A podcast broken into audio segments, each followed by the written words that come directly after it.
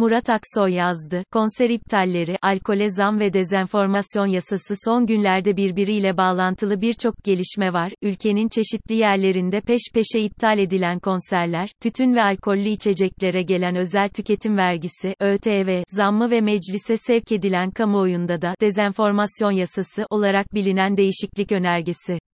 Bunlar hem birbirinden bağımsız hem de birbiriyle bağlantılı gelişmeler.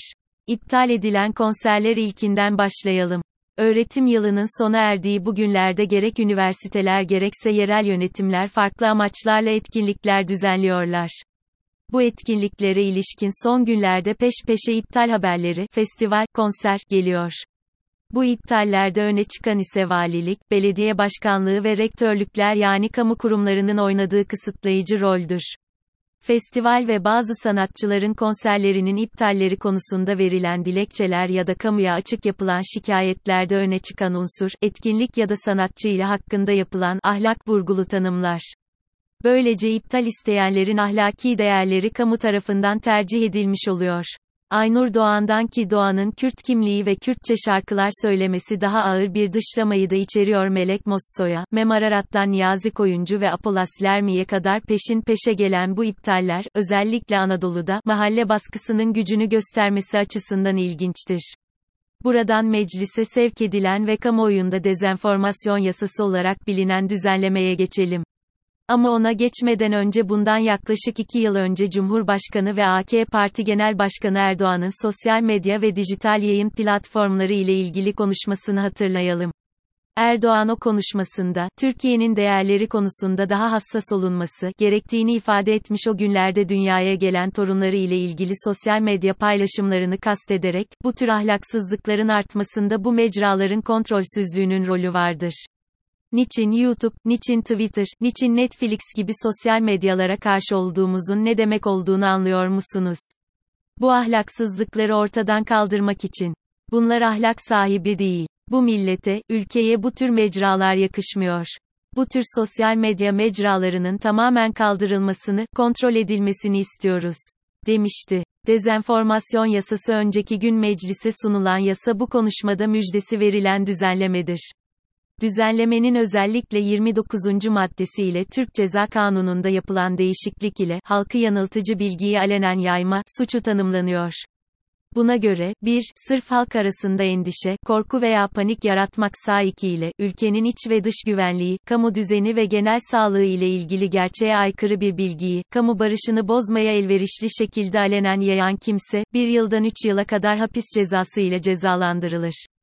Gerek konser iptalleri gerekse dezenformasyon yasasıyla hedeflenen devletin denetim fonksiyonunda önce kısıtlama hatta kapatma gibi önleyici role soyunmasıdır ve açıkça yasakçı olmasıdır. 2. Suçun, failin gerçek kimliğini gizlemek suretiyle veya bir örgütün faaliyeti çerçevesinde işlenmesi halinde, yukarıdaki fıkraya göre verilen ceza yer oranında artırılır. Bu düzenlemenin amacı yeterince açıktır siyasi iktidara yönelik eleştirilerin sesinin kısılarak, kendisini destekleyenlerin görüşlerini özgürlüğünün tek hakim söz haline getirmektir. Bu haliyle bu düzenlemenin amacı iktidara karşı eleştirileri hukuken engellemektir.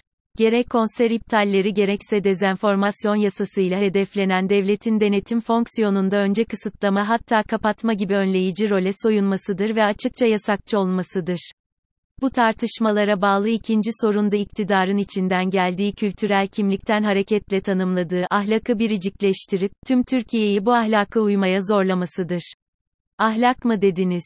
Burada ahlakın ne olduğuna siyasi iktidar karar veriyor ve bu tanıma uymayan her şey gayri ahlaki oluyor. Peki ahlakın meşruiyeti ne? Siyasi iktidarın geldiği kültürel kimlik yani din. Eğer öyleyse öznesi siyasi iktidara yakın kişi ve kurumların olduğu pek çok gayri ahlaki olan ve her biri suç olan gelişmeleri nasıl açıklayacağız? Yine bu ülkede yaşayan farklı dinlerden, farklı kültürel kimliklerden olanların ahlakı ne olacak? Onlar ahlaksız mı? Değil. O yüzden ahlakın referansı din değil bizatihi insanlar arasındaki ilişkilerdir. Nokta. Ve yüzyıllar içinde sürekli değişen bir ahlak anlayışı toplumsal norm olarak yazılı olmayan bir hukuk kuralına dönüşmüştür. Bu açıdan herhangi bir siyasi iktidarın kendi kültürel kimliği üzerinden ürettiği ahlaki değerleri biricikleştirerek bunu tüm topluma devletin güç ve imkanları ile empoze etmesi demokratik değildir. Çünkü toplum heterojen yani çoğulcudur. Dinin kendisi de öyle. Her din içinde farklı yorumlar bunun sonu farklı tarikat ve cemaatler vardır. Bu dini yorumlardan birinin devletleşmesi, dinin sivil özüne de aykırıdır. Eğer ahlaktan bahsedeceksek neyin ahlaki olup olmadığını hepimiz görüyoruz. Yaşam tarzına müdahale gelelim tütün ve alkollü içeceklere yapılan zamlara. Geçtiğimiz günlerde resmi gazetede yayınlanan Cumhurbaşkanı kararı ile ÖTV, alkollü içeceklerde %25, sigarada %10 oranında artırıldı. Kabul edelim ki özellikle alkole yapılan sistematik zamlar, basit bir fiyat ayarlamasını yani ekonomik bir tercihi değil, ideolojik bir tercihi de ifade etmektedir. Tütün ve alkole yapılan sistematik zam politikasının görünen hedefi, devlete kaynak yaratmak.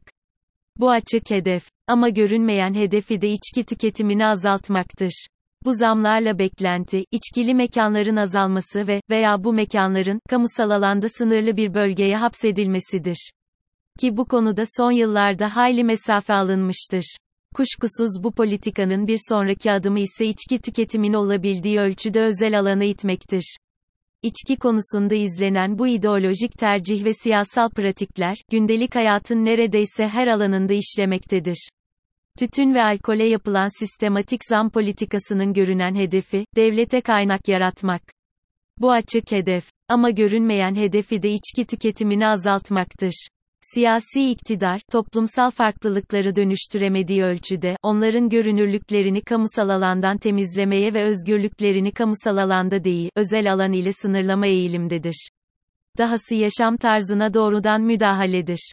Yani amaç eleştirel olanları, farklı olanların özgürlüklerini özel alana hapsetmek. Kamusal alanda siyasi iktidarın tanımladığı sınırlar çerçevesinde özgür olmak. Sonuç olarak siyasi iktidar seçime giderken özellikle dinsel vurguları, dinsel kimliği kamusal tartışma unsuru yaparak tabanı konsolayt edebildiği ölçüde kimlik siyasetini derinleştirmek istiyor. Konser iptalleri de dezenformasyon yasası da alkollü içeceklere yapılan zamlar da birbirinden bağımsız ama siyaseten birbiriyle bağımlı gelişmelerdir.